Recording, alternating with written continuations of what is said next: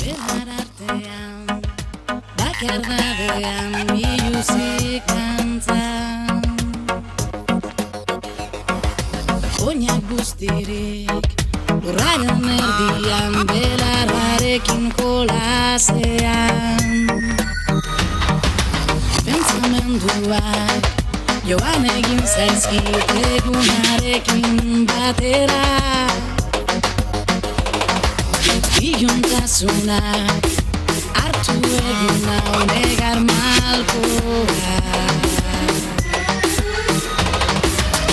Gau ilunonen azken arnazketaren azkenengo Segunduetan nik ere Oiukatu egingo dut Munduak azten banau Ludonek azkatzen banau Zerbait utzi beharko dut Entzate horitan den artean Bada ez bada Arratxaldeon guztioi, ostirala dugu eta musika honek erakusten digun bezala, tarteka kolaborazioa izango dugu datozen minutuetan, leok ere horrelaxe azaldu duenez, ba berriro usuerru izarkaute artistarekin eta kolaboratzailearekin izateko aukera eukiko dugulako datozen minutuetan.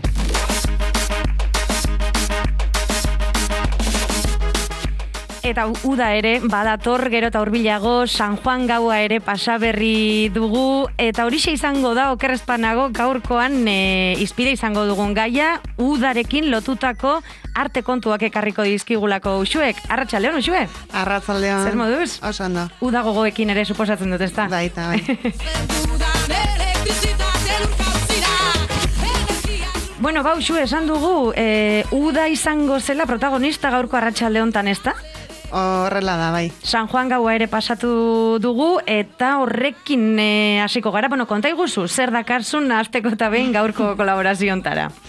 Ba, hori kolaborazio bakoitzak e, kontzeptu bat barnabiltzen duenez, e, gaurkoa uda izango da, eta hain zuzen ere igual e, udarekin, udaren hasierarekin e, zer ikusia duten ritual hauek, ez? E, pasatu berri dugu San Juan gaua, solstizioa, eta bueno, ekainaren hogeta batean, e, guztiak kanzerren sartu da. Aha. eta ekimen hau, ba, udaburua edo udako solstizioa bezala ezagutzen da. Mhm. Ospakizunerako ere ematen du, ezta? E, udaren etorrerak, San Juan gaueko suak e, baita ere, egia da oraindik ospakizun handietarako ez dagoela e, mundua, baina bueno, mm, gorputza bentsat mugierazten du. Beti izan da ospatzeko egun bat eta eta gure gorputzak badaki. Claro. Hori da, hori da. bueno, ba, hau ospatzeko, mm, zer hobeto artetik tiraka izatea baino. Zer ekarri diguzu gaurkoan, usue? Ba, badira ekimen pila bat antolatu direnak, e, udako solstizioaren, sorginkeriaren, e, belarren, e, belarrien eta gauza hoien inguruan. Mhm. Eta ba, hasiko gara pizka bat agenda azkar bat egiten udako planak esanez, ze, ze plan kultural egin daitezken Euskal Herritik zehar, Mhm. Eta basiko gara belar, e, belar zaundekin. Mhm. Gazteiztik hasiko gara oso urruti ez goaz, ez da? Gazteiztik hasiko gara, bai. Egal amaitu ere, baina... Hori da, hori da. Belar Sounds esan duzu, konte guzu zer da proiektu edo arte, arte proiektu hau? Bueno, e, hau kontzertu batzuen programazioa da, e, oian errauskaren etxeak antolatutakoa, eta, bueno, gazteizko kaleak e, betez, Belar Sound kontzertuak e, kalean egingo diren programaketa bat izango da, irugarren edizioa burutuko da, Aha. eta konkretuki farelina lorategian izaten dira. E, irugarren edizioa da, baina hau da laugarren urtea antolatzen dena, zeiaz 2008an ezin, ezin izan zen egin. Mhm, mhm. Eta, bueno, antolatzaileak edo antolatu zuten kideak esaten dutenez, ba, izialdirako bai, eta bizikideretzarako espazio bat bezala ulertzen dutela. Eta, bueno, ba, nahi baduzue, e, larun bat honetan, ekainaren hogeta zean zeian e, hasiko da, Bihar bertan? bihar bertan, eta iraiaren amaiker arte luzatuko da. Mhm. Ez da plantxarra, eh, esango dugu gazteiztik kanpo entzuten gaituztenetzako falerina lorategia ere, ba, bueno, leku zoragarri badela, ez da ezagutzekoa baita ere, eta bueno, eh, gonbidapen hemen dibentza botatzen du, urbildu, urbildu aldiren Hori da, Montermoso eta gaztetzaren artean dagoen lorategi marabilloso bat, eta eta, bueno, e, programazio hau berezik ekarri dut, ba, egingo diren sei kontzertuak e, ego, euska, e, ego arabarrak direlako, ego herrikoak direlako. Mhm. Eta esango ditut izenak, Bai. Dira e, Odo Charms, de Vinilos, Resaka Jackson, Serious Business, Belze Blas, eta Neona taldeak, ez dakit ondo esan ditu baina horiek dira, eta lerun batetan izaten dira, zazpiretan. Mhm. Bueno, ba, hortxe lehenengo, gaurko lehenengo proposamena edo, uda urbildua ala dauden e, agenda, artearekin lotutako agenda kontu, e, kontuetarako, baina e, ez, da, ez da bakarra, gazteiztik e, hasiko ginela esan dugu, baina bagoaz aurrera, e, udako solstizioarekin lotutako beste kontu batzuk ere badaudelako. Bilborantzagoaz, bai, eta soloko etxeko e, auzoak antolatu du aurten ere soloko etxeko udako solstizio jaialdia. Eta, bueno, e, jai hau e, soloko etxe auzoko hainbat espazioetan egiten da, 2008-etik, eta hau ere, ekainaren hogeta zeian larun batean hasiko da, lauterretatik e, amarretara izango da. E, bueno, programa interneten begiratu dezakezue, baino e, TZTera estudioan, Otroran, Flashera Laben, e, La Tallere redakzioan, eta zinemele e, ilegalan e, ofrezpin de binta geintz, espazioan e, izango dira. Izen errexak ekarri dituzu Ja, ja, ja, ja. Ba, soloko etxeko udako solstizioan, hortxe biharko plana baita ere, esan duzu, okerrezpanago, arratsaldeko lauterritatik aurrera izango dela, ezta? Hori da, bai. Udako solstizioarekin ere jarraituko dugu, Eta- kasu honetan. Jarraituko dugu eta jarraituko dugu, ez? E, badirudi ez, baina pilo bat goza egiten dira izen honekin. Bai, bai, jar- Erraz, erraz egin dut programa. soloko etxetik baino, soloko etxetik baina txillalekurantzagoaz orain. Hora, hori da. Eta txidalekun, e, gorpuztu konpainiak, e, dantza garaikide ikuskizun bat e, burutuko du, ekainaren hogeta zazpian. E, Eba Guerrero dantza konpainia gidatua, eta bueno, sortzaia Eba Guerrero koreografa eta zuzendaria da, e, baina interpretea e, Garazi Lope de Armentia gaz, e, dantzari eta koreografa gazteiztarrak e, egingo du. Mhm. e, gazteizen ere egin izan du e, dantza hau, eta ba, nahiko interesgarria eta e, bueno, igual programa honetan interesatu altzitzaizkigun kontzeptu batzuk lotzen dituen proposamen bada, e, orekari bilatzari, oreka bilatzari buruz hitz egiten duena, e, lasai egoteko, e, zarata isilarazteko, e, zama eta arintzeko, animalia, e, animaliak, eta lasai ez, e, lo egiteko leku bat aurkitzeko e, borroka horretan e, ibiltzen da dantzan zeharrez, Aha. eta, eta lantzen ditu ba, erligio jakin batzuetan, e, e, omen egiterako orduan, otoi egiterako orduan, e, ematen diren gorputzaren erabilerak, keinuak, eta guzti horiek ikertu ditu, e, e, ba bueno, e, pa, e, errua, pazientzia, trascendentzia eta sumisioa bezalako e, kontzeptua, kontzeptu iratik igarotzeko, ba erligio ezberdinek e, ba, gure gorputzetan horiek nola sartu dituzten e, e, lantzeko. Nahiko pinta polita dauka, ezta? Itxura guztiz, guztiz eh, ona dauka. Garasi López de Armentia Asteiztarraren lanak ezagutuz gero ere ematen du gogoa joateko, ezta? Bai, bada, bada hemen, bueno, eh, eh, ezagutzen ezagutzen duguna. Esan dako ekainako geta zazpian eh, txidalekun, Eba Guerrero eh, koreografo eta zuzendariaren lana, eta Garasi López de Armentiak interpretatutakoa. Udako solstizioarekin baina usue jarraituko dugu gehiago ere badagoelako. Badagoelako. Gero esan desatela ez dagoela agendarik, ez dagoela artearekin disfrutatzeko aukerarik, bueno, behintzat e, neurriak arintzeak eman du aukera horrelako ekimen gehiago eta eta proiektu gehiago egiteko, ez? Bai, eta, bueno, orain justu udako solstizioaren inguruan e, aspaldi egin zen e, artelan batek agerriko dut, baina, bueno, e, izena hori da, udako solstizioa. Eta, konkretuki, tak arkitektura estudioak burutu zuen e, espazio baten inguruan hitz egingo dugu. Urrutira gogoaz, baina kasu honetan. Bai, e, hau gironan egin zen. Mhm. Ba, konta iguzu, konta iguzu proiektu hau.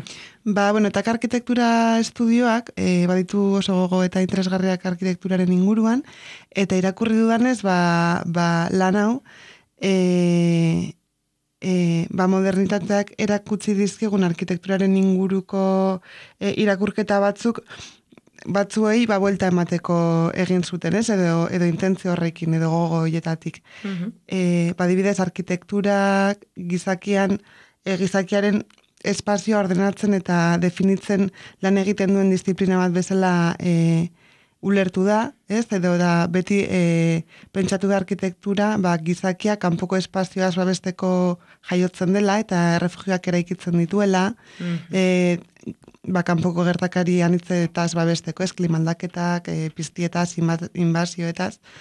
E, eta orduan, bueno, badago gure iruditerian e, e, asko kalatu duen ideario bat dena e, ar, e, arkitektura kultur, osea, naturatik are eta gehiago urruntzen denean, are eta sofistikatuagoa edo errefinatuagoa dela. Mhm. Eta ondorioz, eh, ezagutu dugun edo edo hegemonikoagoa den eh, arkitektura da elementu isolatu bat bezala ulertzen dena edo edo bere kabuz eh, funtzionatzen duen eraikin edo elementu autonomo bat bezala.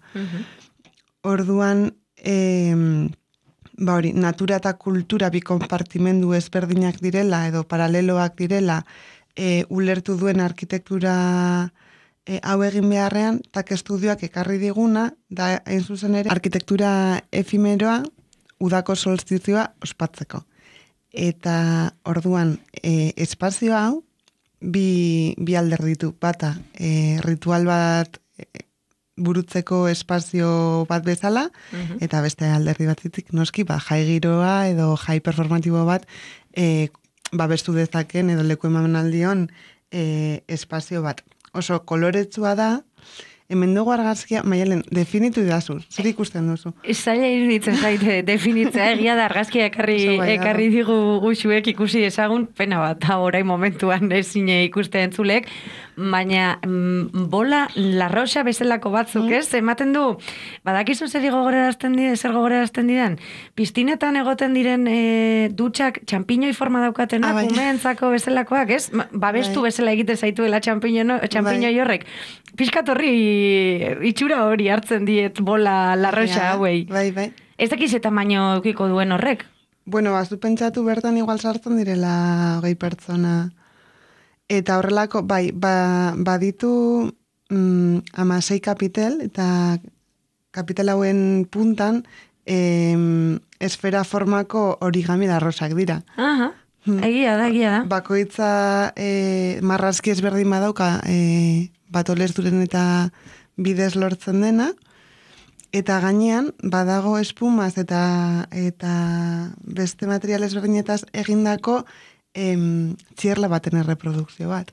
Handian. Ah, begira, ez nuen ikusten, baina bai, ere, bai, bai, e, kurioso da argazkia, eh? esango dugu, bueno, Bueno, ba- guztiz badu- integratuta dago paisaian, ez? naturaren Eta- parte dela ematen du, ezta? Bai. Ikusten da hor, bueno, e, e, zuaitzak inguruan eta ikusten den, ikusten dira, baina bai, mm, bola larroxak e, agian hoiek izan ezik, ez? Beste guztia oso, inte, bai, oso na, mm, lekurren parte izango balitz bezala. Mhm. Hori da.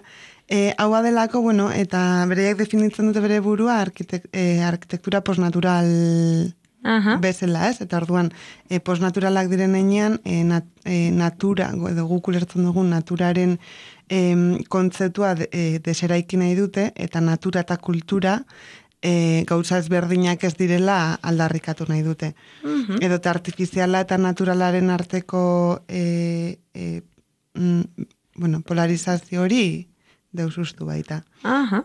Oso interesgarria eta eta oso polita, bueno, proiektu proiektu hau baita baita ere. Tak eh, arkitektura estudioakena esan bezala eta eh, esan dugu solstizioa zuela izena, ezta? Bai, e, Edo udako solstizioa, ez nago... ez konkretuki, konkretuki solstiz. Ah, bale, ados, ados. Solstiz. Ados. Kolega. bueno, be- beste izen bat gehiago. Bai, ez? Bueno, ba, Gironatik pasatu gara, norantza jarraituko dugu. Uste dut berriro ere bueltatzen garela Euskal Herrira, ez? Bilbora. Bilbora gauza berriro ere. egiten dituzte, eske, Zer egingo diogu? Bilbora goaz, azkuna zentrora. Azkuna zentrora, konta Bai. Ba, e, azkuna zentroak e, bultzatzen du e, babestu programa. eta honek ba amar proiektu e, aukeratzen ditu, profil eta ibilbide desberdineko artistak aintzat harturik, eta sormen hizkuntza desberdinetan ere ibiltzen direnak. Orduan, e, bueno, egon dira eta egongo dira erakusketa nitzak eta ekimena nitzak honen inguruan, azkuna zentroaren web horrian e, ikusi alditu zuenak, baina ni konkretuki gaur ekarri dut Miriam Isasirik egin duena. Miriam Isasi, e, gazteiztarra da, mila beratzen eta batekoa, eta mm, bere erakusketa maiatzan hasi bazen ere, iraiaren hogeta zeir arte dago ikusgai, eta horregatik ba, uda guztia... udako beste plan posible bat bestela ekarri dut. Mhm. Miriam e, Isasiren lana, ez dakit eh, zerbait gehiago kontatzeri baduzun. Bai, ba, interesgarria egin zait bere lan hau e, ona ekartzea, ba, pizkat sorgintxu bezala gabiltzan ez gaurrez eta gaudako solstizioa gora eta bera, ba, berak egiten duelako lan e, mm, erakusketa honetan e, landarekin Aha. eta botanikarekin. Bai. e, bere lana resina brea glicerina deitzen da, erretxina brea eta glicerina, eta ba, proiekturen emaitzak e, aurkezten ditu azkuna zentroan, paisaiaren identitateari e, e, oso estukilotuta dagoen e, ikerketa baten emaitza izanik. Paisaiaren gaia asko jorratuko dugu baita gau korko saioan ere, ba, uste dolako paisaia eta uda eta udako aizialdiak e, oso harreman estua duela eta eta interesgarria izan daitekela ikustea zenbat artistek e, e, lantzen duten edo edo gogoetak egiten dituzten paisaiaren inguruan. Mhm.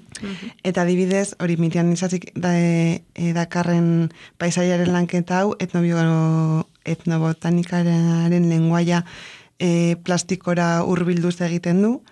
E, Etnobot, etnobotanikaren lenguaia plastikoa ere ja kontzeptu bezala kuriosoa da, ez? bai, bai, baina bueno hori, e, baina berak e, eskulturara eramaten ditu. Eta, bai, eta ikusi alditugu e, material ezberdinez egindako eskultura pilo bat, baita neonargia erabilitako landare formak dituzten beste e, bueno, beste pieza batzuk eta oso interesgarria da. Eta orduan berak sendabelarren eta haien sistema immunologikoaren e, erabilera horretatik abiatuta e, e, ba, proiektuaren ari gidarietako baden e, arroka erretzina e, lantzen du gehien bat. Eta eta landare desberdinen formaren presentzia ikusarazten du erakusketa guztian zehar, eta orduan magiara, bitzira, e, biziraupenera, mm, planta sistemetara eta eta horrelako elementuetara igortzen gaituen erakusketa bat dela esango nuke. Mhm. Bai. Sorgine landareak, sendabelarrak ez, dira pixka bat sorgine buelta hontan eh, harremantzen gaituena edo harremantzen duguna agian. Hori da, hori da. Bueno, e, ba, hortxe Miriam e, Isasiren lana, e, askuna zentroan ikusgai dagoena, esan dugu irailaren hogeta zeir arte, beraz, uda guztia ikusgai egongo, egongo dena, baina e, oraindik badugu zer gehiago kontatu, Bilbotik kasu hontan e, donostiragoaz, ezta? Donosti eta Nafarroara, bai. Donosti eta Nafarroa. Bai, e, Maider Lopezekin. Eta, bueno, paisaiaren inguruan e, gonden honetan, e, Maider Lopezen oso artelan tipiko bat ekarrit oso ezaguna den bat, ataskoa izena duena. Maider Lopez e, donostiko artista da, mio eratzen da irurogeta mabostean jaioa, eta eta berak 2005 bostean trafiko atasko bat sortu zuen e, intzan, intzako herrian Nafarroan. E, herri hau edo e, men, men, bueno, aralar mendiaren errepidean dagoen e, herri hau, hor, herri honetatik ez dira kotxe gehiagi pasatzen, baina berak esa- em, antolatu zuen deialdi bat, je, Ara joateko. ara joateko, Aha. eta orduan dena blokeatu zen. Eta ikusi, argazkitan ikusi aldenez, ba, gero berak dron batekin edo grabatu zuen, bueno, gara hartan igual, helikoptero txiki batekin zuen, grabatu zuen goitik, eta orduan ikusi daiteke nola paisai hori guztiz aldatzen den. Egun batetik bestera, e, pertsonon e, e, interbentzioarekin, ez? Hor- Pentsatzen egoen momentuan, e, beste nola bait sortu zuela ataskoa, baina bueno, han pasatzen ari ziren kotxe, kotxeekin, eta ez hainbeste deituta jendeari Deituta, joatera, jende asko ez da pasatzen. Osea, ez dela Claro, claro. oikoa han atasko bat sortza, Aha, mm. para nada. Eta mm, orduan ekimena ba deskontestualizazio prozesu bat bezala e, irakurtzen zuen berak ere, ez nola kotxeak derrepente ara pasatzen diren, eta derrepente paisai bat sortzen da, oso ezberdina, eta gauza edo irakurketa asko barne bildu aldituenak, ez? Adibidez, honetan ere naturalaren eta artifizialaren arteko eh, harreman hori e, kolokan jartzen da, edo diferentzia hori kolokan jartzen da, ze horrelako paisai berde eta rural batean, derrepente, kotzen ba koloreak, diztirak, zaratak eta e, e, paisaiaren parte dira berriz ere, ez? Eta, eta naturala denaren eta artifiziala denaren arteko muga hoiek ba apurtzen dira nola bait. Eta bai, eta bueno, baita mm, kotxearekin dugun harremana lantzen duen lan bada eta eta holase. Esan daiteke agian pixka bat koreografia bezalako bat ere izan zela moduren batean? Bai, eta bai, nik dut berak ere horrela esaten zuela, ez? Azkenean e, parte hartzaile voluntario hauen eta ez voluntario Baten bat harrapatuko Claro, claro. e, oien arteko koreografia bat izan zela, ez? Eta eta eskulturara eraman daitekeen lan badela, piktorikoa den lan badela, performatiboa den lan badela, eta, eta bueno, arrama asko ukitzen dituen e, ba, proiektu nahiko interesgarria izan daitekela. Eta, bueno, ba, Euskal Herrian ere pasatzen zaigun bezala ez, udan atasko ugari ukitzen ditugu, orduan guztiz aproposa egiten zitzeran, Oso udakoa da. oso dako, oso dako plana. Utziko dugu xue ekarri diguzuzuk ere bideoa ikusgai dagoen e, linka, e, utziko dugu podcastean baita baita ere, bueno, norbaitik interesa baldin badu ere, e, proiektu hau ikusteko. Eta hause izan da, uste dut gaur ekarri guzun e, azken kontua, ez uxue? Bai. Ezakit beste zerbait e, badukasun. Bai, e, liburu baten gomendioa. Ah, begira ze ondo. Aztuta, Bai. aztuta neukan e, liburuaren zatitxoa beti egiten dugulako ere hori normalean, ezta? Normalean, noiz baita ez dut egin eta egin dut pelikulita, bai. Agia da, agia da, agia da. Gaur liburua. Gaur liburua, bai, eta konkretu... Udarako plano baita ere? Bai, bai, izan daiteke. E, Letizia Ibarraren liburu bat, e, argi- argitaratu berri duena, Fantasmita eres pegamento, eta, bueno, pues, gure gaurko udako sorginkerien e, gauza asko ukitu alzitulako ekarri, dit, ekarri dut, kanitze editorialak editatu du, aurten, eta, ba, bueno, e, olerki bilduma bada, Mhm. Eta ametzen mitoen fantasiaren e, unibertso infantilaren eta eta gauza guzti hauen dimentsio soziala e, lantzen du. E, bueno, ari da azken boladan leku askotan aurkezten liburu hau, eta orain datorkit burura e, ba, normalean kanitz editorialak, eta ez dakit seguru, baino egiten ditu hartumean e, bere, bere argitaratutako liburuen aurkezpenak. Mhm. Bai, bai, egin izan ditu aurten batzuk. Ba, behiratu beharko da ere interesa duenarentzako ea, ea antolatuta dagoen edo antolatuko ote den proposamena gomendioa behintzat hementxe botata uzten dugu Uxue, e, azken, e, bueno, uda urretiko azken kolaborazio hau, hasieran esan bezala, oso suaren bueltakoa e, atera zaigu, ezta? Bai, Suaren bueltan joango gara agurtzen baita ere, e, datorren kurtsoan e, bueltatuko garelako edo horrela espero dugulako dena ondo bidean behintzat. Uxue, eskerrik asko beti bezala placer bat izan delako zure eskutik ezagutzea ba, orain behintzat agenda guzti hau ere eta plan guzti hauek ere, eta uda oso ona pasa desazula. Disfrutatu, behintzat e, usten diguten guztia. berdin, berdin zuek, bai. Ondo segi agur.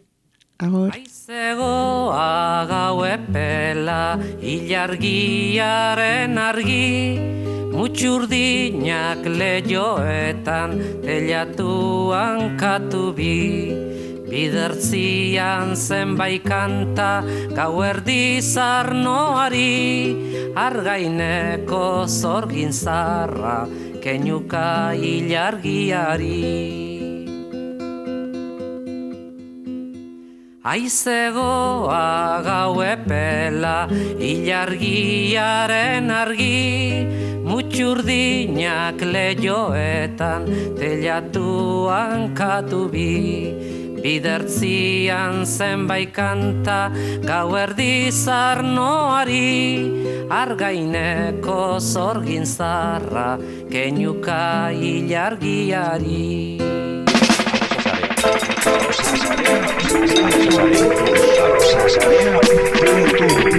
Gogoratu, zebrabideako audioak eta askoz gehiago arrosasarea.eus webgunean. arrosasarea.eus Zebrabidea.